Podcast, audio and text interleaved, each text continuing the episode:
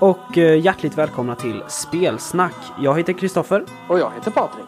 och eh, det är vi som är Spelsnackarna. Vi, eh, vi började ju köra en liten struktur förra avsnittet, Patrik. Ja, det började, ja, det började vi med. Ja, och vi, fick, vi har fått lite feedback på den. En i alla fall. Ja, och det var väl mest eh, att vi inte ska vara rädda att eh, vara lite ostrukturerade. För Nej, att de det, var ju precis som eh, vi är här, att vi svävar ut mycket. Men då var ju någon där rädd att vi eh, kommer tappa många intressanta diskussioner om vi eh, bryter när vi håller på och svävar ut och följer strukturen slaviskt istället. Och att vi, eh, eh, vi tappar intresset också. Om vi bara håller oss till ett ämne. Att det finns en risk att vi då egentligen bara sitter och pratar om saker vi kanske inte nödvändigtvis vill prata om. Precis. Eh, Men det, det kommer ju lite mer, lite mer åsikter och eh, tips och sånt lite senare. Ja, vi får ju ta dem vart efter ämnena kommer upp. Ja, eh, men vi ska ju börja med lite nyheter som vanligt på spelfronten. Jajamän. Vi ska väl börja med Kickstarter då. då. Det är mycket Kickstarter just nu. Det är mycket Kickstarter just nu. Eh, I inspelande stund. Eh, det här kommer ju släppas lite senare än inspelning så att då kommer det ju vara över. Men nu är det lite drygt två timmar kvar på Fria Ligans Kickstarter för Forbidden Lands eller Ärans väg på svenska. De är uppe i strax över 2,7 miljoner kronor. Och det, nej, det, där, det där är häftigt. De hade ett mål att eh, 100 000 behöver vi för att göra spelet. Och vis om hur det har gått tidigare så lägger de då stretch goals upp till en miljon kronor. Det får de in väldigt fort. Jag vågar inte ta gift på många dagar. Så att det går fort. Då drar de in 10 stretch goals till som går upp till 2 miljoner. Ja. De fylls också upp och så efterhand lägger de på fler och fler. Ja, men nu har vi nått det sista. En novell av Erik Granström. Precis, som är lagd i det här universumet. Eh, Min förhoppning var ju att de skulle i sista sekund typ smälla på eh, 3 miljoner kronors stretch goalet att eh, man skriver om eh, konflux-sviten till Ärans väg. Men om man, ska man göra om konfluxviten så måste det vara bättre att han gör det till Fria Ligans svavelvinterspel. Ja, men nu när Granström ändå är så pass inblandad menar jag. Det vore mysigt. Det kan du väl hålla med lite om? Ja, jo, men eh, jag tror att det är fel spel eftersom det är, eh, det, det är en annan typ av spel och hela kampanjen är så djupt rotad i, i Trakorien. Och vad jag vill minnas så har det dels varit aktivitet på Fria Ligans forum för några år sedan som sen har dött ut att skriva om eh, av de som hänger på forumet bara, att skriva om hela konfluxkampanjen till svavelvinterreglerna och sen har ju ligan även pratat om länge att skriva den femte konfluxen Ja, just det. som eh, ett äventyr eller en kampanj också, men där har jag inte hört något på länge. Nej, inte jag det. heller. Jag, jag har ju i eh, den utgåva av eh, rollspelet Svavelvinter jag har, den första, eh, från 2012. Den som, järnri- ja, den som järnringen gav ut. Nej, alltså Nej, Fria, Fria Ligans, Ligans första, första. från 2012. Där är ju konfluxen med i eh, korthet. Då det hade- är den faktiskt i de nya regelböckerna också. Ja, den är men det. det. står bara kort om den. Det är ju inte en hel kampanj, utan det står ju vad som händer i Trakorien under tiden. Jo men så är det ju lite här också. Och här hade ju bara eh, Svavelvinter och Slaktare Små kommit ut. Så man har ju bara, det är ju bara delar ur de två och sen är det lite ur sista, ur konfluxen. Liksom. Och Svavelvinter och Slaktare små, då menar du de två första romanerna i sviten. Och Precis. med femte konfluxen, det som är därifrån, då syftar du på den gamla rollspelsmodulen från Äventyrsspel. Ja. Så, så vi är klara med det. För, för alla som inte är Granström i iter ska förstå också. Precis. Ni kanske har märkt det att vi är lite partiska för, eh, ja vad är det? Det är Granström, det är Fria Ligan. Ja, Svavelvinter väldigt mycket gillar vi att prata om. Ja, Trudvang tycker vi om Ja. och jag är ju en äventyrsspels-sucker. Ja, vi ska, Också. vi ska komma lite mer till, eh, till Trudvang och kanske lite, lite äventyrsspel också. Eller vi ska ta upp det. Lite grann. Det ska vi göra. Det ska vi göra. Eh, senare i detta avsnitt alltså. Vad jag har planerat. Vad vi har planerat. Men vi får se vart eh, våra hjärnor tar oss ikväll. Precis på hur många timmar. Eh, har du spelat något sen sist Patrik? Eller har du har gjort något spelrelaterat sen sist? Ja, eh, igår var det onsdag. Just det. Speldag. Nej, nu går, ja, nu går jag händelserna i förväg. Alltså. I måndags så gjorde jag en deal med min eh, kära sambo. Eh, jag gjorde någonting som hon tycker väldigt mycket om. Och då så ställde hon upp och gjorde något jag tycker väldigt mycket om. Så jag tog fram min eh, nyinköpta låda med Mice and Mystics och fick spela det första kapitlet. Eh, det är kampanjspel och eh, varje enskilt scenario kallas för ett eh, chapter, eller då ett eh, kapitel på svenska. Just det. Fantastisk story i det kan vi väl säga också. Utan att Ja, flyga in för däremot- mycket i storyn. Ja, däremot så eh, hon eh, tycker inte om text, särskilt inte på engelska och hon tycker inte om brädspel när det blir för rollspels för rollspelsinfluerat, vilket jag tycker om. Så att för att hon inte skulle tröttna innan vi ens hade kommit igång så läste jag aldrig storyn utan jag gick på toa innan och läste eh, hela storyn för det kapitlet för mig själv. Och sen gick jag ut och bara sa egentligen vi är möss, vi ska fly, nu kör vi. Mm. Jo men det, alltså Eh. det, jag känner väl att det är väl en av fördelarna med Mice and Mystics. Att man kan banta ner det till, till ett rollspelsminimum. Eh, Ja, man kan köra rent som ett brädspel bara, Ja. men jag tycker då att man tappar för det är ett otroligt mysigt spel när man spelar det som det är tänkt. Ja, det är en fantastisk story. Alltså, jag, jag älskar ju eh, filmen eh, Brisby och Nims hemlighet, till exempel. Helt underbar film. Jag har alltid velat ha en, eh, en uppföljare, eller snarare en prequel till den för att förstå allting. Ja, men precis. Vi kan säga, det är en, en animerad film från 80-talet kanske? Ja, det måste det vara. Frågan är, det, det har nog kanske varit en bok någon gång. Det borde vi kolla upp. Det ska vi kolla upp. Eh, sh- Skaffa den. ja, det handlar i alla fall om möss som eh, handlar bra. Eh, och eh, väldigt mycket då Mice and Mystics, att man slåss mot andra farliga djur, ugglor och, och sådär. Så det, mm, jag, Jag måste jag bara få berätta en väldigt rolig... Ja, jag måste berätta en rolig grej här. Mm. När jag packade upp Mice and Mystics. Och hon utbrister, det här är ju precis som Mansions of Madness och det är ju skittråkigt. Varpå jag utbrister att det här är inte alls som Mansions of Madness. Jo, man har en spelplan, man har gubbar, konstiga tärningar och där är det några kort. Oj, det är ju typ alla spel i hela världen. Ja, hon, hon tror ju att Monopol är ett bra spel och då försöker jag förklara att Monopol har också spelplan, spelpjäser, tärningar och kort. Vi får väl säga Så så, här dock. Men hon höll inte med. Jag, ska, jag, eh, jag, jag tar ju ingens parti förutom mitt eget. I väl, väldigt, eh, väldigt många konflikter gör jag så. Jag tar bara mitt eget parti och ingen annans. Så. Eh, Men det är ju lite så att om man inte tycker jättemycket om brädspel, då är ju alla brädspel likadana. På samma sätt som gillar man inte dödsmetall liksom, då är musiken bara skrik.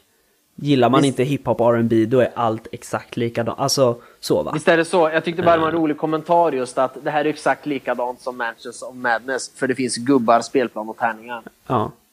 Jo, Men sen spelade vi i alla fall med då väldigt lite rollspelselement. Hon, Mm. eh, hon var inte överentusiastisk men hon sa att eh, ja, det var väl okej det här spelet. Så att eh, det är bra betyg från en som inte tycker om andra brädspel än Carcassonne. Ja, absolut. Just för att eh, det är så enkla regler. Mm, jättebra. Eh, nu vart det mycket om det, men Ja. vi kommer recensera det i ett senare avsnitt. Men eh, Ja, Mice and. Mystics, jag tyckte det var jättekul och mysigt. Mm, bra. Sen igår då, som jag skulle prata om onsdag, spelkväll. Så spelades det Warhammer 40K. Och jag förlorade igen. eh, normalt sett så brukar jag svära mycket på vissa av mina eh, enheter. För att de inte gör det de ska. Eh, oftast är det till exempel min Assault Squad. Eh, jättestora soldater med motorsågsvärd och jump pack så att de kan hoppa väldigt långt. Tanksen ungefär alltså. Nej, inte... Ja... Nej, men de är snabba. De ska, Ja. de ska gruppera djupt in bakom fienden och sen slå ihjäl han. Ja. Eh, De har fem gånger i rad misslyckats med sitt tärningsslag när de ska chargea fienden när de hoppar in i sina jump packs och då kommer inte fram utan blir ihjälskjutna. Och då har jag varit arg på dem. Igår var det inte deras fel. Igår var jag sämst. Okej. Eh, jag valde att låta motståndaren börja för att jag hade en idé och sen inser jag ungefär när han har börjat att eh, just det, jag borde tänkt på vilka mission objectives som fanns för att eh, nu blir det svårt för mig. Hade det varit ett annat objektiv hade det kunnat vara värt att han fick börja. Sen placerade jag ut många enheter helt fel. Så att igår var det inte deras fel utan jag var dålig. Så när jag satt mig själv i hårdträning här och eh, har eh, större delen av dagen när jag stått i köket och bakat surdegsbröd eh, kollat på battle reports för att få taktiktips för hur jag ska lyckas vinna nästa vecka. Det är fantastiskt. Ja, och sen spelade jag det första riktiga eh, questet i Zombieside Black Plague. Jag körde intro, eller tutorial quest förra veckan. Mm. Också ett, eh, ett trevligt spel eh, som jag gillar. Eh, Det har skett en zombie-apokalyps och vanliga Zombieside utspelas i modern tid. Eh, Black Plague är en fantasy medeltidsvärld. Härligt. Eh, Så att eh, det finns zombies som spånar. Eh, Så har man vissa objectives. Igår var vi tvungna att döda vissa typer av zombies och hitta massor objective markers för att vinna.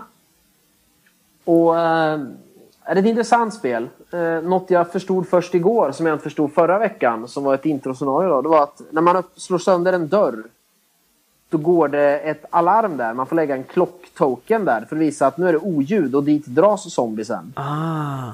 Förra häftigt. veckan förstod jag inte varför. För då var ju alla den på samma ställe där vi stod, så de kom ju dit ändå. Ja. Igår när vi hade en mycket större by att röra oss i och vi spredde ut vårt party om sex gubbar. Då var det helt plötsligt taktik där, för då om vi höll på att göra något som gör att vi vinde, kunde man vann. Då kunde man offra en karaktär som kunde stå och göra oljud så att alla zombies gick dit istället. Just så vi andra kunde göra vår skit. Så att, det, det är också ett trevligt spel. Ja, det kommer vi väl också recensera längre fram, men uh, Zombieside Black Plague, definitivt värt att eh, kolla upp. Och jag sitter just nu mest och funderar på om jag ska köpa vanliga Zombieside eller Black Plague. Ja, jag, jag kollade in Zombieside-spelen på Lincoln eh, förra sommaren. Eller nej, nu i våras var det ju. Ehm, men jag, jag köpte det inte. Jag, det var då jag började köpa eh, mutantboxarna i snabbare takt än pengarna rullar in istället. Ehm, där. Men på tal om det så måste du ju berätta att, eh, om, eh, att du har ju faktiskt tänkt till rätt när du har gjort budget för ditt eh, leverne. Ja, just det. Jag bor ju... Vad, det är tre minuter promenad. Jag har flyttat nyligen. Och jag bor tre minuters promenad ifrån en affär, nu blir det reklam, som heter Seriebörsen. Fantastisk affär. Det är serier, spel, böcker, tärningar är väl det jag har handlat där mest. Men det är ju lite farligt att bo där för att eh, rätt som det är så trillar det in en eh, Elder Sign expansion eller en Munchkin expansion eller sådär va. Eh, så jag har ju budgeterat för 150 kronor spel i månaden i nuläget. Vi får se hur det går sen, det kanske kan bli mer. Men det är ju då en Elder Sign expansion varannan månad. För de kostar 250 kronor styck. Eller ett större spel i halvåret. Ja, eller ett lagom spel i kvartalet. För 450. Jag önskar jag kunde lägga band på mig och faktiskt köpa de spel jag verkligen vill ha och hålla sig till en gång i kvartalet. För man behöver inte spela oftare. Nej, det är ju så. Jag har ju fler spel när jag spelar. Men eh, då, då kommer vi genast in då på, på vad jag har gjort sen sist. Ja, Eller hur? Igår så eh, hade jag i min nya fina lägenhet här min nya spelgrupp här för första gången. Var helt underbart. Jag har, eh, det var tre personer varav en har jag träffat förut. Men eh, jag ville att de skulle stanna kvar och bo här allihop efteråt. Eh, Vi, det klickade alltså. vi klickade väldigt bra. Vi, vi har inte börjat spela än, för vi saknade en medlem igår. Men vi har gjort karaktärer till Fria Ligans Ur varselklotet. Och eh, det, var, det tog väldigt många timmar för att vi stannade upp och pratade och skämtade och kollade på lite tabletop-videos och sådär i mitten och sådär va. Ehm, och så på slutet avbröt vi för att besegra Cthulhu i Elder Sign också. Så att det, det finns kemi, det kan man absolut säga. Vad tyckte de om Elder Sign? De tyckte det var skitroligt. Det var en som hade spelat Elder Sign förut. Eh, Men de andra tyckte det var väldigt roligt. Och eh, de eh, stod faktiskt ut vad det verkar som med mitt prat om hur många expansioner det finns och att vi kommer spela ännu mer förhoppningsvis. Spelade vi någonsin något annat Lovecraft-spel i somras? Vi gjorde inte det va, du och jag? Nej, vi spelade bara Elder Sign. Och Mm. det var så roligt att jag köpte det direkt. Men då ska jag introducera dig till de andra, för det är ju samma sak. Det är ju Fantasy Flight också, fast Ja. Det är samma story liksom. Ja. Vi har ju sagt det också att vi, vi har ju pratat, i förra avsnittet pratade vi om hur lätt det är att bygga ut Elder Sign med expansionerna och så. Men sen kom vi ju på att vi har ju faktiskt aldrig spelat någon av expansionerna, någon av oss. Nej, det är ju så. Så att det kanske, alltså regelverken för expansionerna kanske suger stenhårt. Det vet ju inte vi. Eh, Så Nej. lita inte på oss, kan vi väl säga, helt enkelt. Nej, inte när vi pratar om sånt vi bara tror är häftigt. Nej, precis. Men ur varselklotet, Ja. ni gjorde karaktärer till det. Jajamän. Eh, vi har ju nämnt spelet förut. Har vi egentligen pratat om vad det är för spel? Nej, det har vi väl inte gjort. Eh, Det kanske vi borde göra nu så att folk eh, förstår om det längre fram börjar pratas om vad de har gjort för karaktärer och särskilt Precis. i nästa avsnitt när du kanske har en spelrapport dessutom. Mm. Jo men så är det ju. Det, taglinen är ju eh, rollspel i 80-talet som det kunde ha varit. Eller hur? Um, Ja, för på engelska blir det ju... Role-playing in the Role 80s that never was. 80s. Ja, Just det. Ja, förlåt. Jag hoppar på direkt. Eh, men det, det bygger på Simon Stålenhags eh, bilder av eh, ett Stockholm, ett skärgårds-Stockholm på 80-talet. Tror jag. Jag kan väl inte riktigt hela historien bakom, men som jag har förstått det så har han gestaltat ett 80-tal som han kanske drömde om när han var barn. Ja, antingen fantasivärlden han lekte i eller något han drömmer. Och det är hans bok eh, Ur varselklotet. Mm. Sägner En- ur slingans landskap. Ja. heter. Varför En, eh, det engelska en konstbok. namnet Tales of the Loop passar mycket bättre. Ja, för slingan heter The Loop på Ja, engelska. slingan är ju... Vi behöver inte prata alla detaljer men man, Sverige har ett forskningsprojekt som innebär att man kan bygga maskiner och frakta malm med hjälp av jordens eget magnetfält. Eh, Ja, och mitt under Mälaröarna ligger världens största gravitron eller partikelaccelerator. Jag kommer inte ihåg exakt tekniken bakom den, men den heter Slingan. Eller på engelska The Loop. Och det finns då den kampanjvärlden på Mälaröarna. Och så finns det en i Boulder City i Nevada. Om man spelar i USA istället eftersom det var engelskt och svenskt samtidigt. Och Mm.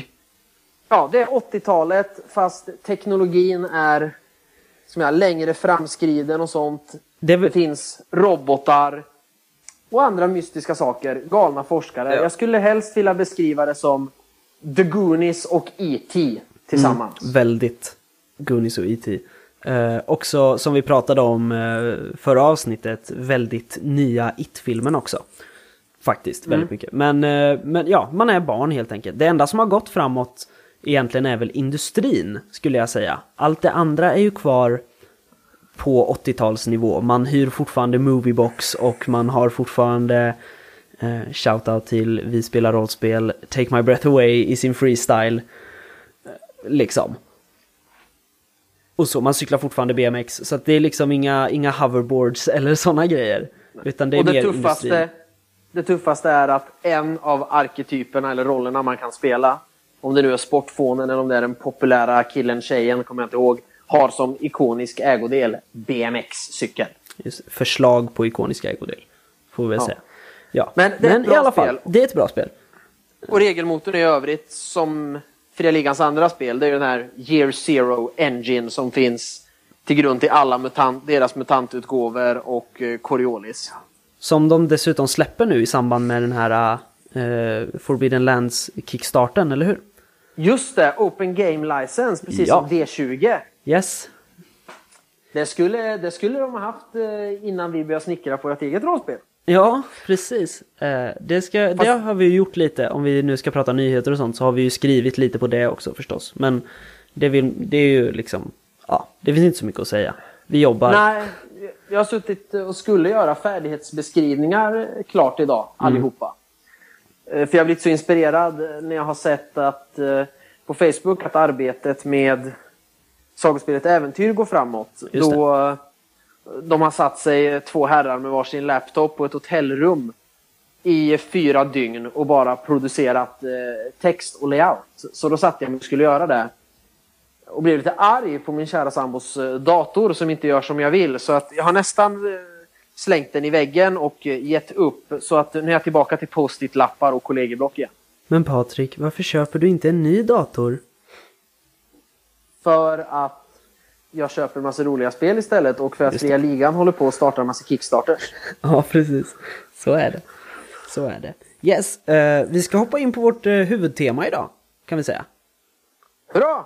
Ja, och det plockar vi ifrån rollspel.nu, forumet där vi eh, hänger och florerar och läser. Och det är Ranger the Man som har presenterat det här temat för oss. Eh, han undrar vilken spelstil vi har när vi spelar rollspel och eh, vad som tog oss dit. Eh, och det är väl en ganska, en ganska stor diskussion men också väldigt lätt. Ska vi, först kanske man måste bena ut vilka, vilka olika spelstilar tror vi att det finns? Kanske vi måste ta först. För att förstå frågan. Alltså jag, eh, jag känner väl att det finns väl, eh, finns väl alltid paragrafryttar SL eller spelare. Det är alltid någon, inte alltid i alla grupper, men det kan finnas i alla grupper. Någon som, nej men så här står det inte i reglerna, så där får man inte göra, så här är det, liksom. Eh, Jo. Jag tänker oavkortat på den här skogsscenen i, eh, i eh, The Gamers-filmen. När han ska skjuta en tjuv i, i halsen. Och SL bara nej, nej, nej, låt honom prata. Och han bara nej, nej, nej. Och SL säger ja men ni, ni är ju f- överraskade i tre stridsrunder. Och han bara okej. Och sen så drar han upp regelverket och bara ja titta här, här står det hur lång en, en stridsrunda är. Nu får jag skjuta. Och så skjuter han. Ja. Den tänker jag på. Det är lite sådana spelare finns det ju såklart. Jo. Jag skulle, det jag mest har läst och sett som återkommande det är att man brukar ju prata om att antingen kan man spela friform Mm. helt utan regler som eh, ja men det var ju populärt där på 90-talet, början 2000-talet vet jag jag såg många som körde eh, Vampire i chattrum på internet, på olika forum och bara skrev vad de gör. Ja just det. Eh, och det kan man ju spela bordsrollspel också, helt friform, inga regler. Mm. Eh, Eller så eh, yt, andra ytterligheten, det som jag, och nu får alla ni som tar illa upp, eh, ta hur illa upp ni vill. Men det jag brukar kalla för att folk som spelar Dungeons and Dragons. Ja. Och då menar jag just de där som är helt by the rulebook. Eh, inget ont om Dungeons and Dragons. Men eh, det finns sådana spelare i alla spel såklart. Ja, jo men så är det Så man verkligen mer ser det som ett spel mer än samberättande och eh, kör på för att eh, bra men eh, vi går hit för då får vi mycket loot och vad min karaktär hade gjort det skiter jag i. Mm. Det är Ja. väl de två men och sen förstår jag nog det, eller det jag väljer att förstå Ja. frågan är ju just hur vi spelar förhåller oss till regler och världen och karaktärsutveckling och sånt. Ja. För att det finns ju grader i helvetet emellan de här två stilarna. Om det nu ens det är det Precis. som åsyftas. Vi kanske svarar på helt fel fråga här i diskussionen, men då får det vara så. Men det är det som har satts eh, hos oss nu i alla fall. Vi snackade ju lite om det har vi gjort tidigare. När vi fick den här frågan. Ja, Eh, och vi egentligen, vi har väl kört alltid relativt fritt ändå. Även om vi har spelat, som vi har pratat om tidigare så har vi mest spelat eh, Drakar och Demoner Trudvang. Och eh, även fast, alltså det finns en given värld. Det finns, I regelböckerna så finns det liksom namngett varenda stad. I princip. Men vi har valt att lite på vägen har vi slängt in lite andra städer och vi har haft ett, ett magiskt värdshus som flyttar på sig och dyker upp när man behöver det och, och sådär. Så vi har väl mer format världen kring våra rollpersoner. Vilket jag skulle säga är ganska freeform.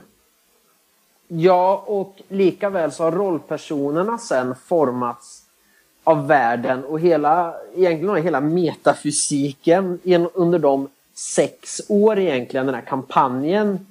För man, man måste säga att allt vi har gjort i Trudvang har egentligen varit en kampanj.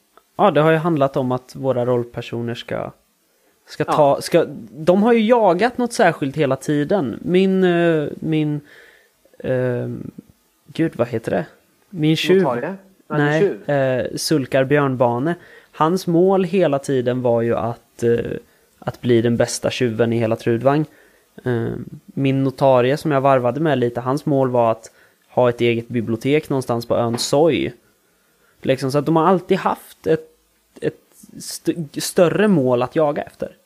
Ja, och det som är roligast är hur, hur det har hängt ihop hela tiden. För vi har ju alternerat allihop att vara spelledare. Ja.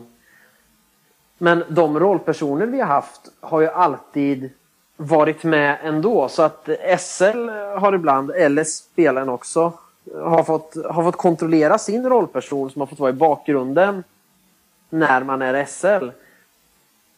Till exempel när jag har varit SL, då har min, min rollperson varit där och jag har styrt honom men han har varit i skymundan för att ni ska få spela. Och när du har varit SL, då har mest din notarie varit i biblioteket och när vi behöver få svar på en krånglig fråga då springer vi upp och så Precis. spelar du honom och ger oss ett svar och så sticker vi ut och gör nästa grej. Så att allt kretsar kring de här människorna och det är så otroligt intressant. Ja, Eller vi- kul! Ja, alltså väldigt roligt.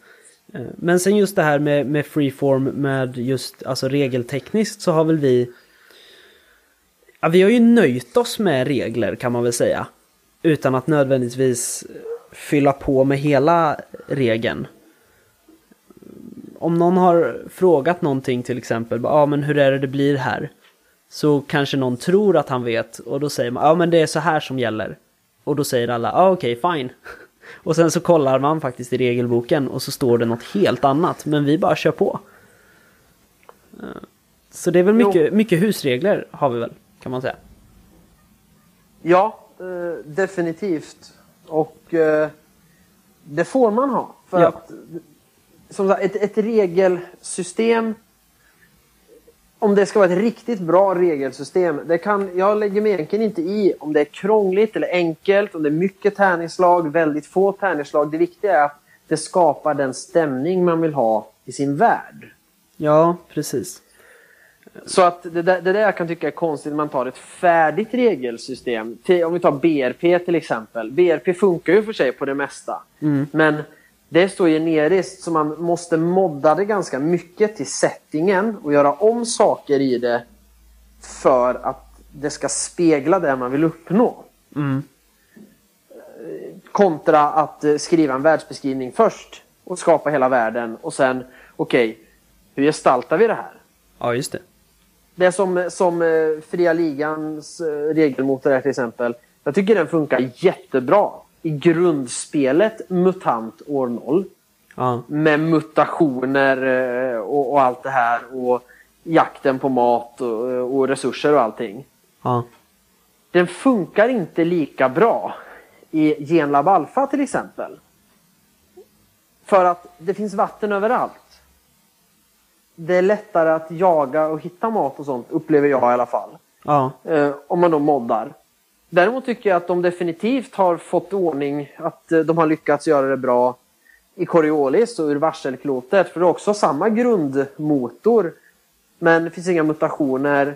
Man slår om tärningar på ett annat sätt. Det är mer stridsfokuserat på andra sätt. För du behöver inte jaga resurser på samma sätt och så vidare. Så att där har man ändå... I Genland tyckte jag det varit lite konst, inte jättebra men i de andra spelen så har de lyckats anpassa den efter världen så att det blir jättebra. ja ja men jag, jag gillar det systemet faktiskt. Jag, det passar min stil kan man väl säga då. då.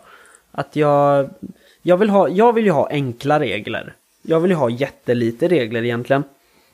Du skulle gilla att spela med Mikael Crank Bergström alltså? Ja, jag gillar Cthulhu faktiskt. Eh, Ja. Jag har läst det regelverket ett par gånger. Ehm, och det, jag är imponerad av avsaknaden av regler. Um, det, det är liksom... För jag tycker mer, jag, jag är ju liksom litteraturnörd i allmänhet och jag tycker att det är ju kring det rollspelen kretsar också. Man ska ju berätta den här historien.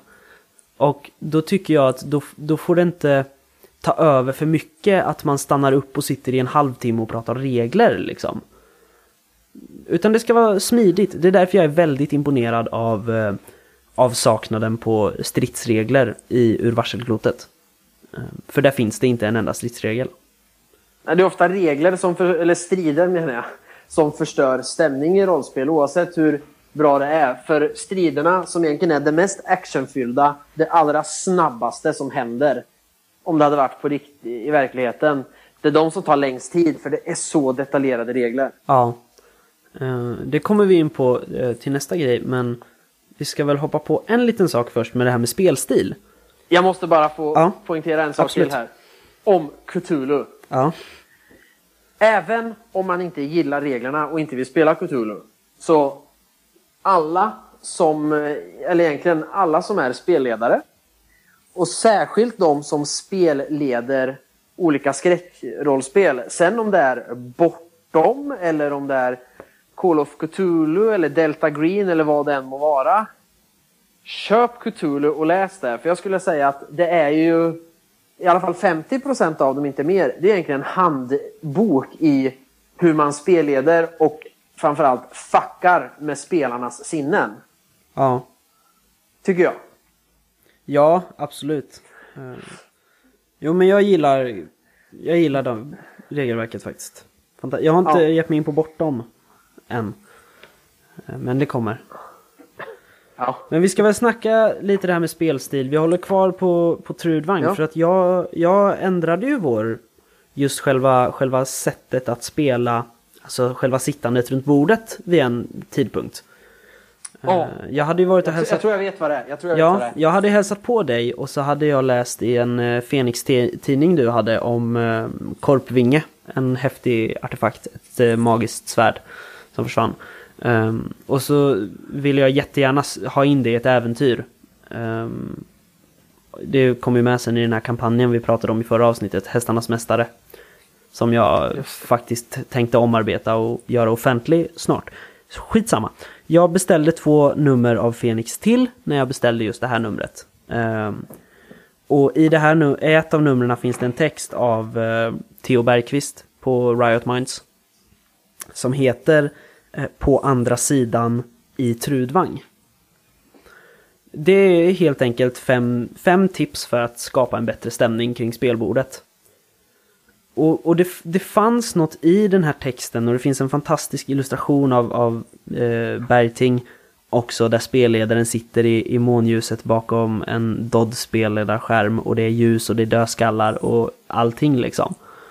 Um, och då, då läste jag i den här, de här fem tipsen om hur man skulle göra. Och det resulterade ju i eh, dels en stämningstext. Jag kommer inte ihåg eh, riktigt hur vi gjorde, men vi sa ju, vi, vi började ju alla spelmöten med ta ett kliv, ta ett ännu större kliv, någonting sånt. Jag kommer inte ihåg den, men man ska kliva in i Trudvang helt enkelt. Ja, SL uppmanar till att kliva in i Trudvang. Eh, och sen tänder SL spelledarljuset som är jag vet inte vad det gjorde, vi intalade oss själva att, eh, att bara att ha ett ljus tänt i en silverljusstake mitt på bordet, det resulterade i att allt blev magiskt på något sätt.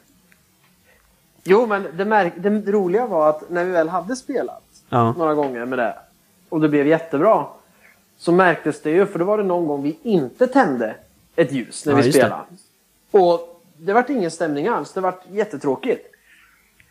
Ja. Och det är väl det som är tråkigt att nu när vi i huvudsak kör eh, online då, på nätet, det är, det är ju att man får inte med det där. Man ser inte SL sitta bakom skärmen eller tända ljuset eller sådär.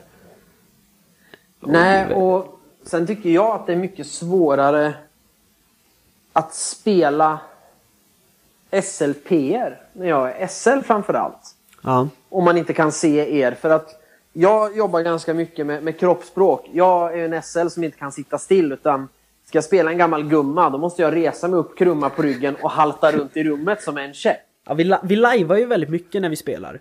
Det ska Ja, fram och- mjödstop och på med ringbrynjor och eh, stora kötttallrikar som vi sitter och glufsar med, med stora moraknivar liksom.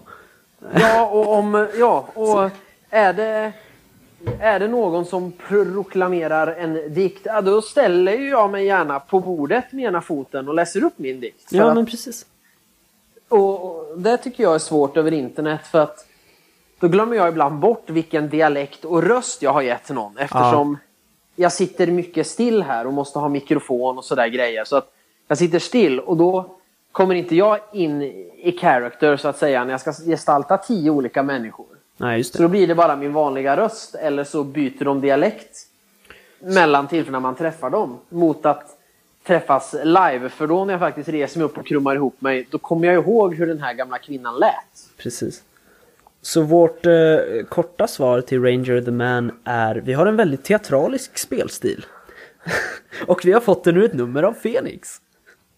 Det är det korta Ja. svaret. Ja, Yes. sen har ju jag... Det var roligt att du sa att du uppskattar den här avsaknaden av regler. Ja, För jag har ju mer gått åt andra hållet genom åren. Nu när jag har upptäckt flera spel. ja just det. Som inte Jo- är Trudvang. Jo, nej men jag... Just när, jag väl, det kanske är att när det klingar upp hos mig att ah, den här regeln finns för att och så försöker jag att följa reglerna så slaviskt som möjligt tills jag upptäcker att de inte funkar. För jag tror också det var när jag började spela från början, gamla äventyrsspelsgrejer. Då var, hittade jag något i regelsystemet jag inte förstod. Då bara sket jag i det, för det var jag som ägde spelen. Ja, det var jag det. som ägde eh, ja, men när, vi, när vi började spela, då ägde jag alla spel. Så att eh, då tog jag bort regler jag inte tyckte om och jag förklarade inte för någon att de ens fanns. Nej, men det är, jag tycker det är lite charmigt ändå. Det formar ju hela spelgruppen liksom på ett annat sätt. Visst är det så, men sen har jag ju nu när jag läser hittat regler att fan det här var ju faktiskt en ganska bra, en ganska häftig regel. Ja, Och jag tror det är därför jag har snöat in på regler snarare och jag försöker läsa på och lära mig regler för att jag måste få testa dem i spel och faktiskt se, är de bra eller ska man ta bort dem? Och det märks ju inte minst nu när jag blivit figurspelare som sagt här att du måste ju ha koll och du kan inte bara ha koll på reglerna och statsen på din egen armé. Du måste ha koll på den andras armé för annars anfaller du enheten som ser störst och farligast ut fast det var ju inte de som kanske var bäst att ha död på. nej. Eh, Så jag tror det har kommit lite att jag har börjat med det också just att eh, det är fan viktigt det här med regler alltså. Ja. Men, eh, på tal om stämningsfrämjande regler. Ja. Så ska vi gå in, nästa ämne är ju faktiskt också från rollspel.nu. Eller hur? Nästa punkt. Ja. Och det är Wilper igen. Wilper som eh, bad oss, eller igen, det är samma kommentar men vi har valt att portionera ut det. Wilper ville att vi skulle spela lite indiespel och sen ska vi göra egentligen en avstämningsavsnitt med, ja men lite jakten på det bästa indiespelet. Kan man väl säga. Jak jakten på indiespel vi vill testa. Ja, jo men Vi vet ju inte om det är bäst förrän vi har testat. Nej, precis. Eh, och det håller vi väl på och ser över. Men vi fick också, eftersom vi har pratat om eh, sågningen av eh, Drakar och Demoner eh, 2016, eller Retro som jag kallar det och många andra också. Så ville han veta vad vi faktiskt tyckte om med Drakar och Demoner Retro. Och det är ju en väldigt intressant diskussion för att jag, jag tycker ju jättemycket om Drakar och Demoner Retro. Jag har inte spelat 87an. Det första, det äldsta jag har spelat är ju Trudvang. Om jag, nej, Trud- jag har spelat sexan lite. Tror jag, med Ja. dig. Ja, eh, väldigt lite. Men ehm, i alla fall, så, så jag, jag tycker ju att det blir väldigt bra. Jag ska, vi sitter väl med varsin box nu, antar jag. Du, jag, jag har tagit fram här, jag sitter med 85, 87, Retro eh, och Monsterboken såklart till eh, eh, gamla Drakar och Demoner. Såklart. Ja. Jag sitter bara med eh, 2016-boxen.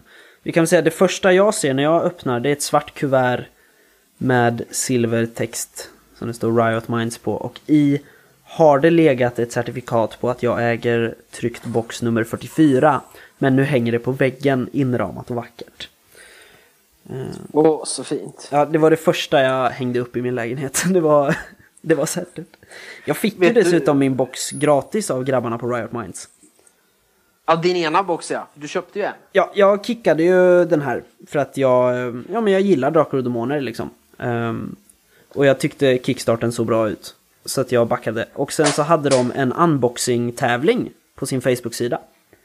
Och eh, ja, jag tog på mig filthatt och eh, mantel och stoppade pipan i munnen och spelade in en liten snutt när jag unboxar. Och ett par veckor senare så kom det en till box på posten. Eh, och så det fina meddelandet på första sidan av regelboken Game On, Kristoffer, hälsningar Riot Minds. Det, det här är, den här är helig för mig den här boxen. Vilket som tur var att du vann den också resulterade i att du kunde sälja din kickstartade box till eh, vår andra bror Mattias som inte hade kickstartat här för han tyckte det var onödigt för att man spelar ju trudvagn. Precis. Eh, ja, eller, eller så var det väl... Ja, det var inte läge att kickstarta någonting. Eh, Sådana tider på månaderna har alla. Men så nu har vi ju varsin box i alla fall. Eh, men jag, jag känner vi ska väl, behöver inte recensera själva innehållet i boxen just så. Utan vi ska väl mer snacka om vad vi tyckte om med själva spelet. Kan jag väl tänka. Spelmekaniken och så. Ja, eller överlag. Det, Överlag. jag, det första jag slås av Mm. det är när jag tittar först på regelboken. Ja. För förutom att det är lite mörkare röd, det är annat typsnitt nere i högra hörnet där det står regler. Ja. Så får jag ju känslan av den gamla. För den flörtar ju väldigt hårt layoutmässigt, omslaget, Absolut. med, med, med originalregelboken. Ja, absolut. Sen säger de ju i förordet att, eh, att de var ju tvungna att ändra liksom. Det gick ju inte att ge ut 87an igen i princip. Men känslan är ju samma. Och Det håller jag med dem om. jag måste väl... huruvida- Ja, Ja. Sen huruvida man faktiskt var tvungen att ändra. Nej, de hade ju kunnat faktiskt trycka exakt likadant igen. Eh, Hur tråkigt det än hade blivit, tycker jag. Men, Ja. eh, men, men i alla fall. Ja. Det har de gjort. Det, layouten som Claes Berndahl gjorde till den första eh, utgåvan, liksom i eh, försättsbladet med vilka som är konstruktörer och så vidare. Det är också hyfsat likt originalet. ja, Det står ingen om vilken... eh, Det står inte så mycket om vem som gjort sättningen och sånt. För nu gör man den själv på datorer. ja det, är, det står väl att... eh, Ja. Men annars så är det... Och likadant när man bläddrar sen. Grafisk det- form, det är Magnus som har gjort det. Ja. Jo, men sen när man bläddrar i dem så är det också... Nej, det är ju en lite annan layout. Men jag får samma känsla när jag bläddrar i den boken. Ja, Och likadant med illustrationerna. Nej, det är inte alls samma stil på eh, Johan Egerkrans illustrationer som Nicke Gullingssons illustrationer. Det är en helt annan stil. Men jag känner samma saker. Jag ser samma värld framför mig. Ja, alltså det är ju en väl, det är väldigt annorlunda illustrationer mot, eh, mot Trudvang, måste man ju säga. Ja, Alltså och, verkligen. Men, men och de- äventyrsspel också. Men det ger mig samma känsla som äventyrsspelsprodukter fast det är en annan stil. Ja, alltså det, jag måste säga, det skriker ju inte 2010-tal. Om illustrationerna. Nej, Utan men det- det ska de inte göra heller. Nej, precis, det är ju det jag menar. Och nu pratar vi om vad som är bra med den. Ja. Eh, sen har ju jag, eh, jag har ju aldrig spelat eh, BRP förut. Före Trudvang. Just det, det har du inte gjort. Har jag aldrig gjort. Eh, jag Då bara... måste vi spela Call of Cthulhu snart. Ja, precis. Jag har ju bara kört D20. Just det. Ja, så är det. Men, eh, men och, och jag, eh, jag måste säga att jag gillar att man har gick tillbaka till BRP för den här. För att jag tycker att annars, man kan jobba som ligan gör liksom och ha med en tabell där det står hur stor eh, chans du har, att du har 17% chans när du kastar en tärning. Liksom. Men, och jag vet det gör de eh, grabbarna i The Gentleman eh, som har gjort eh, The Gamers-filmerna. Eh, de, de sitter ju också så här på en 20-sidig tärning och bara ja ah, men det är ju 5% chans. Men jag, jag gillar mer att ha en, en, du har liksom, chansen är i procent. Jag tycker det, ja men det gör någonting, det blir tydligare på något sätt. Ja, det Tycker blir jag. Så jag gillar ju att man har gått tillbaka här. Ja. Eh, har du något om själva, själva motorn? Ja, alltså. något jag först blev besviken på, men sen uppskattar lite grann. Ja. Det var stridsreglerna. Mm. För när man läser dem först upp från ner så ser det ut som att det kommer bli de här eh, pingpong-striderna igen. Ja. Som jag kommer ihåg var tråkiga. För att antingen så attackerar du eller så parerar du. Ja. Och det är något jag gillade mycket mer i, i Riot Minds eh, tidigare produkter i Trudvang än äventyrsspels BRP. Just det här att i, D- i Riot Minds produkter kunde du både anfalla och parera och du kunde välja hur de hade ju stridspoäng som inte var fasta så du kunde välja Precis. hur stor chans du skulle ha att lyckas på fyra attacker eller två attacker, två pareringar och så vidare. Helt fritt. Ja. Och det gillade jag inte i BRP, för var man duktig då stod två killar och bara slog på varandra tills man nötte ner den ena. Mm. Men här har du ju Eh. stridspositionerna. Precis, så att först vart jag besviken när jag läste det så bara, har de inte fixat stridssystemet bättre? Är det den här skiten? Men de har ju de här initiativkorten. Ja. Stridspositioner heter de väl i, eh, i boken tror jag. I Ja, jag kallar, jag kallar dem för initiativkort. Ja. Eh, då SL tar, drar dolt kort för SLPR, spelarna drar dolt kort och så säger man 1, 2, 3 och så slänger man fram sitt kort. Ja. Då kan man vara offensiv. Då har man större chans att få initiativet. Och man får plus 20% på sin attack. Ja. Men man får minus 20 om man ska parera. Eh, sen får man lite annat, forcera och sånt. Neutral, då har man helt vanligt för att få initiativ. Man slår bara en TT utan modifikationer.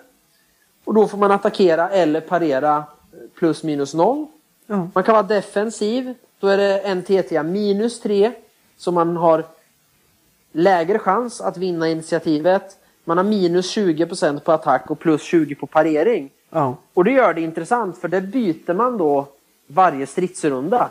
Så att initiativet kommer hoppa fram och tillbaks. Jag vet att många inte gillar det. Jag själv tycker om i de flesta spel att låta initiativet vara kvar hela tiden.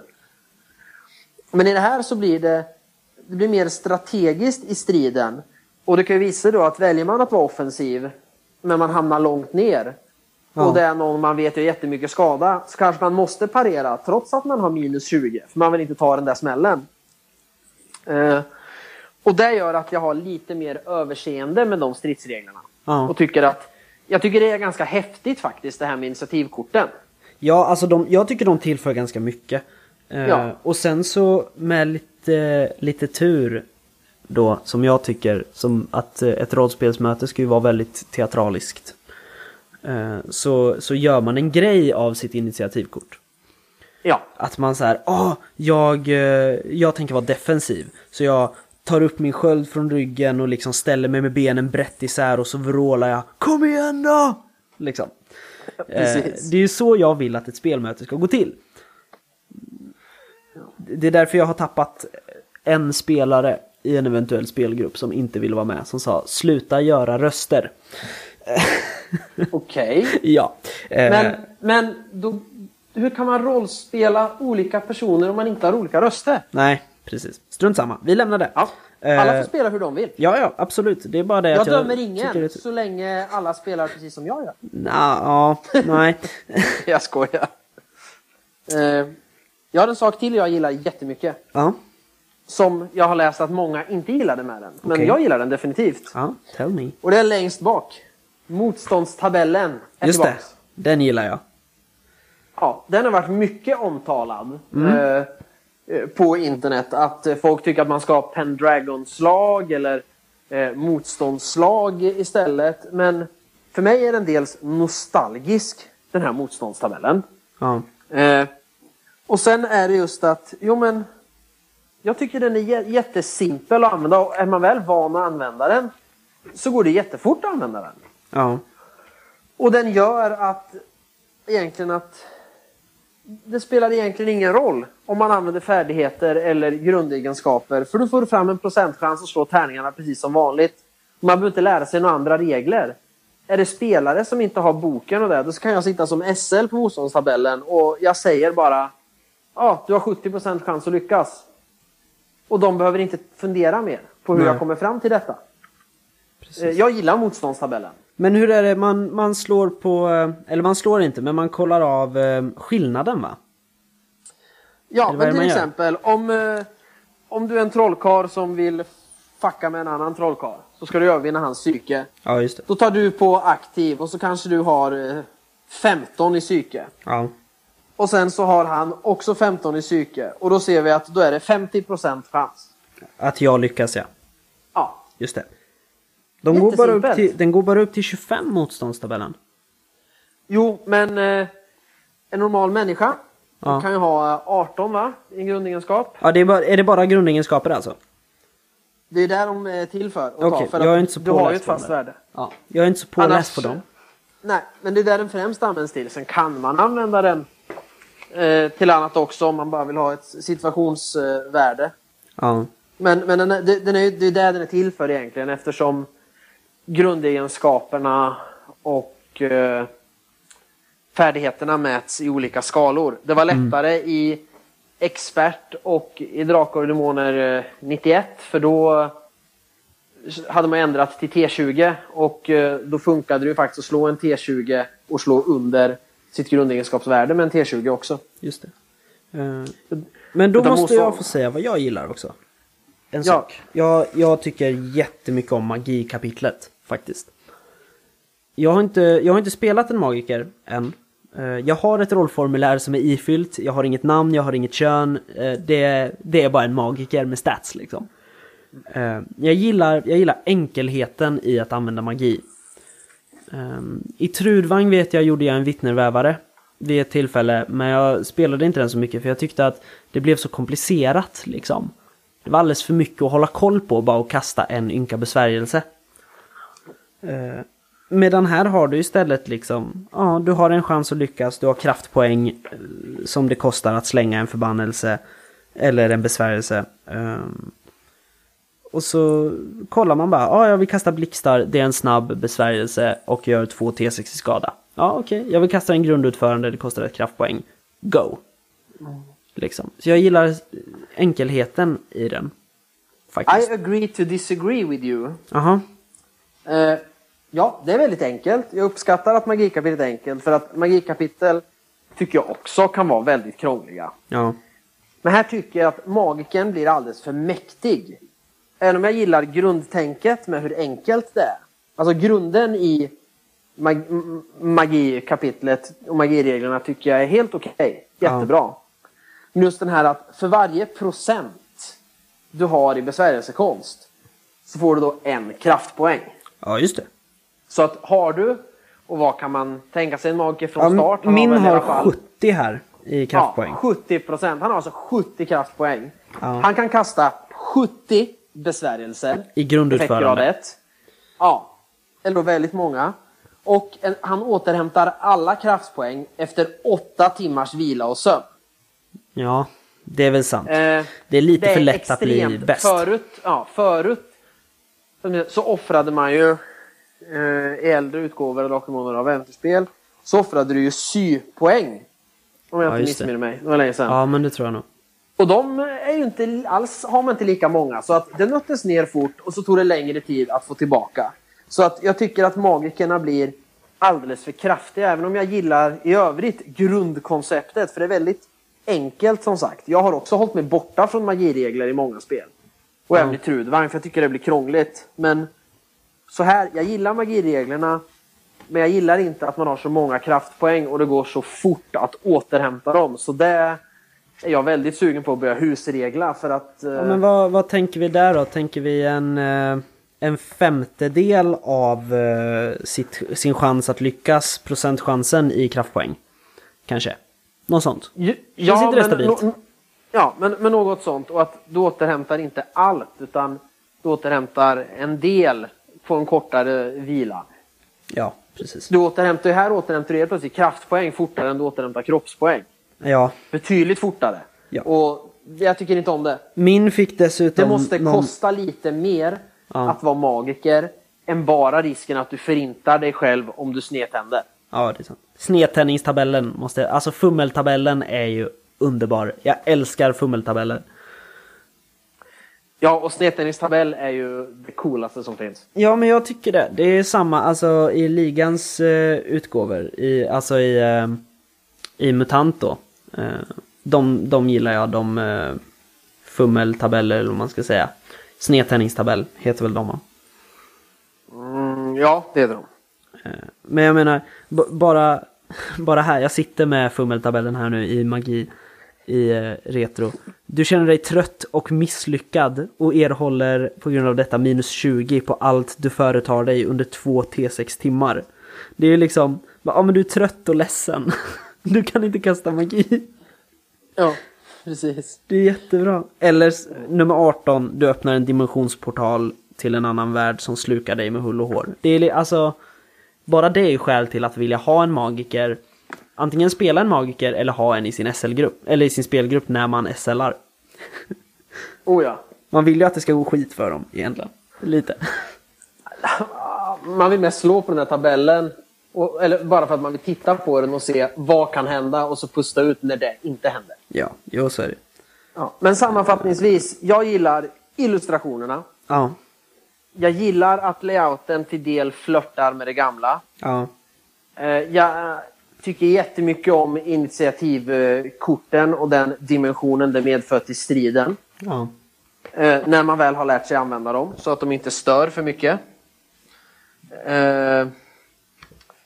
Ja, det är egentligen det. Och Jag så ankor såklart. Ankor också, vi älskar ju ankorna. Det har ni väl märkt. Jag gillar också att man har eh, slängt med eh, varelseformulär och eh, SLP-formulär. Det tycker jag är, eh, är fina saker. Ja, sen vet jag inte om de finns om du köper boxen nu i Nej, original. jag, jag vet faktiskt inte för att det var ju ganska mycket som skulle vara Kickstarter exclusive som dök upp i grundboxen. Eh, Jag vet SL-skärmen skulle ju till exempel inte vara med i grundboxen som jag förstod det. Men det är den väl inte heller? Den säljs ju separat. Nej! Jag har en vän till mig, han kanske fick en dålig batch eh, då då. En eh, låda som hamnade fel, men han köpte grundboxen på SF-bokhandeln. Och eh, en spelledarskärm extra då, för han vill ha en SL-skärm. Och i boxen så ligger en SL-skärm. Jag vet. Väldigt hmm. Det var, Ja. det var lite mystiskt. Men, men överlag så måste jag säga att jag tycker om den. Och jag gillar, eh, jag gillar äventyren som är med också. Eh, trots det som föll bort lite. Men, men Gastarnas ö tycker jag är fantastisk. Jag Men har det- inte läst den än eftersom du har sagt att du ska spelleda Ja, den. ni får absolut inte läsa Gastarnas ö. Eh, anledningen till att jag tycker om den så mycket är förmodligen för att den är väldigt lik Svavelvinter. Aha. Den är ganska lik Svavelvinter, Gastarnas ö. Eh, men med lite modifikationer, eller inte med modifikationer, nu låter det som att jag eh, total ratar ner på, på Theo då som har skrivit eh, skrivit det här då. Men eh, det gör jag verkligen inte. Jag tycker jättemycket om Gastarnas ö. Det är fint. Men det, det klingar väldigt mycket av Svavelvinter tycker jag. I Är det, storyn. Theo, är det Theo Bergqvist som har skrivit Gastarnas ö? Ja, det är det faktiskt. Ehm, och sen är det eh, Magnus Säter då som har skrivit Demonkungens dal. Och sen så skrev ah, ju... Precis, då, ja, just det. Det är två stycken i, i samma häfte ja. Ja, precis. Det är ju... Det är ju... Det är väl... eh, Det är ju två häften och det är väl två äventyr i varje, va? Nej, andra, Skymningshavets gåtor är ju en hel kampanj. Och det är Blixt som har skrivit den. Jag skulle mer säga att det är en jättestor sandlåda med en metaplott. Okej. Eh, De, de beskriver det som en kampanjocean. Ja, det, det, man får ju spela en kampanj där, men jag skulle säga att jag har varit lite besviken på den. Ja, okej. Eh, Jag tror att vi hade fått ut mer konkreta saker om det hade blivit bara ett äventyr av Anders Blixt. Eh, Ja. Som det blev nu, jag skulle inte säga, eller det beror på. Man skapar ju en kampanj, precis som i Mutantor 0, men där är det ju inte kampanj. Det, där är det ju tydligt att det här är en metaplott som ni kan använda om ni vill och så gör ni det andra. Och det upplever jag lite här. Jag varit lite besviken för att det är så väldigt sandboxigt och mycket idéer. Och äventyrsuppslag och häftiga SLP och så här förvisso.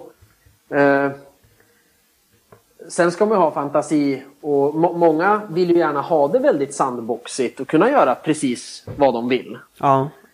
Alltså me- Jag- hur menar du? Menar du liksom, över, alltså menar du mer ett icke-linjärt äventyr eller menar du alltså mer att, att man behöver inte göra någonting egentligen? Nej, du måste göra mycket. Ja. Det är så Eh, många jag- komponenter. Ja, och jag, sen kan det vara för att jag... Lite som oraklets fyra ögon. Ja, det kan vara att jag har börjat arbeta lite mer och att jag har barn och sånt. Men jag är mer och mer att jag tycker snarare om när det är mera uppstyrt. Ja. Ett äventyr. Om jag nu kör på något. För att jag ska inte behöva tänka så mycket. Nej just det, du vill ha, Utan jag, du vill ha jag ska kunna spela out of the box. Ja. Eh, fast jag tidigare har varit eh, tvärtom att jag vill ha bara ett litet häftigt äventyrsuppslag så jag kan göra vad jag vill med det. ja, det är ju olika vad man är på för humör. Vilket har blivit mer populärt också, upplever jag. Eh, att det ska vara så nu för tiden. Och det har jag all förståelse för, jag har också varit sån. Men jag tror det är just nu när tidsaspekten här sätter käppar i hjulet för mig så är det väldigt skönt att kunna dra fram Vildhjärta till exempel. Ja. Eh, och jag behöver inte göra någonting. Nej. För allting står där. Vi Det står ska... vad alla vet, vad alla säger. Och så slumpar du bara fram i vilken ordning allting händer. Jag ska säga det när vi ändå är på Vildhjärta att vi pratade igår eh, så presenterade jag min rollspelshylla för eh, nya spelgruppen. Och då beslutade vi att så fort vi är färdiga med eh, Vetenskapens vidunder som är medföljande kampanjen till Ur varselklotet så ska vi köra Vildhjärta till eh, Dodge 2016. Åh, ska, åh vildhjärta! Med, med de reglerna? Ja, jag tror det kan bli kul.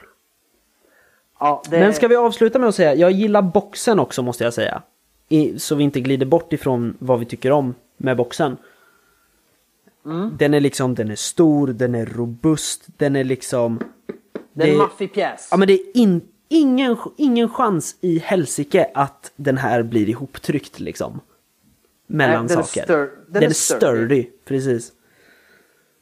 Det är Ja. inte som eh, alla mina gamla äventyrsboxar som är alla är tejpade i hörnen. För att de är Men- gjorda av typ papper. Ja, förutom Gigant. Gigant är bra. Men den verkar vara lite robustare. Utan det är sprickor överallt, de är intryckta. Och hörnen är tejpade. Ja, På tal om det, min Arkham Horror The Card Game-låda har blivit helt ihoptryckt. attans. Har du satt dig på eh, den? Nej. Jag eh, åkte för två veckor sedan vad det var, till Finland. Hastigt och lustigt. eh, Ett dygn med jobbet. Eh, Och jag skulle ju spela dagen efter i Luleå. Så att jag packar med mig Arkham Horror The Card Game och eh, alla mina Warhammer 40K-figurer i eh, min spelväska som jag sen slänger ner i min jättestora andra väska som jag har i bilen. Det och det bra. åker runt och bärs upp på hotellrum och kastas hit och dit. Och sen kommer jag fram och så är boxen lite intryckt. Åh fy fan. Som tur är har jag ju inte korten där i längre, men jag borde tänkt på det innan. Utan, eh, ju- just nu har jag två sådana här jättestora, eller jättestora Dragon Shield 4 Compartment boxar. Ja. Jag får nästan plats med alla kort i två sådana. Ja. Eh, men så är det allt det andra. Så att de här expansionerna jag väntar på här kommer i reprint så får jag nog köpa en till två sådana där lådor till. För att få plats med ett spel. Du får köpa en Alltså- sån här kartong... eh, kartonggrej som de kör med på affärerna. Jag vet det finns här nere på seriebörsen. Kostar så här 50 spänn. Där får du plats har- med så här måste- 800 kort. Du, du måste kolla exakt vad de heter. För jag har försökt förklara exakt vilken det är jag vill ha. För det är en sån. Ja. Jag har försökt förklara här. Men de säger bara, spelar från här att jo, men säg vad den heter så fixar vi det. Just det. Men det vet inte du. Nej. Fantastiskt. Så ta reda på vad det är för märke och vad den heter så kan jag beställa ett gäng. Jajamän. Så nu också då kära lyssnare får ju ni smakprov på hur eh, vår eh, brödrarelation ser ut just så här. Jag löser sånt Patrik inte kan lösa. Ja, jag har ju till och med skickat dig och försöka köpa spel åt mig ibland. Jag vet. Ska vi eh, låta den lilla eh, fotnoten om dina spelproblem avsluta dagens avsnitt? Ja, det är ingen mer som har kommenterat någonting. Nej, inte vad jag vet. Jo, det, vi, har ju fortfarande, vi får ju fortfarande mycket feedback på eh, det rent tekniska Och det är ju sånt som vi ständigt ser över och försöker förbättra. Vi undrar ju om ljudet är bättre idag. För att vi provar ju ett nytt eh, brusfilter. Dels, dels det, Eh, jag steker inte köttbullar. precis. Och eh, så är jag ensam hemma. Så att eh, jag har stängt av internet på alla andra apparater i huset. Förutom den jag pratar med på just nu. För att se om jag kan få bort lite lagg och sånt som beror på att det tar mer bandbredd än vad jag har. Ja. Men eh, så med det avslutar vi som vanligt att ni får jättegärna mejla till oss, spelsnackarna gmail.com eh, besöka vår blogg och läsa och kommentera spelsnackarna.blogspot.com och eh, checka in oss på eh, allehanda podcast-appar. Ja, sen ja. be om ursäkt också för att vi har ju fått som sagt lite saker här på råspel.nu som Ja. vi inte har svarat på för vi har varit lite upptagna båda två. Ja, jag har försökt Så svara. vi kommer gå in och svara. Ja, och sen undrar jag, är det någon som har varit inne på bloggen? Jag hittar inga kommentarer. Har ni läst den? Ska vi ta bort den? Eller är det kul att den finns? Precis. Där sätter vi P. Det gör vi. Ja, hej då Patrik! Hej då Kristoffer!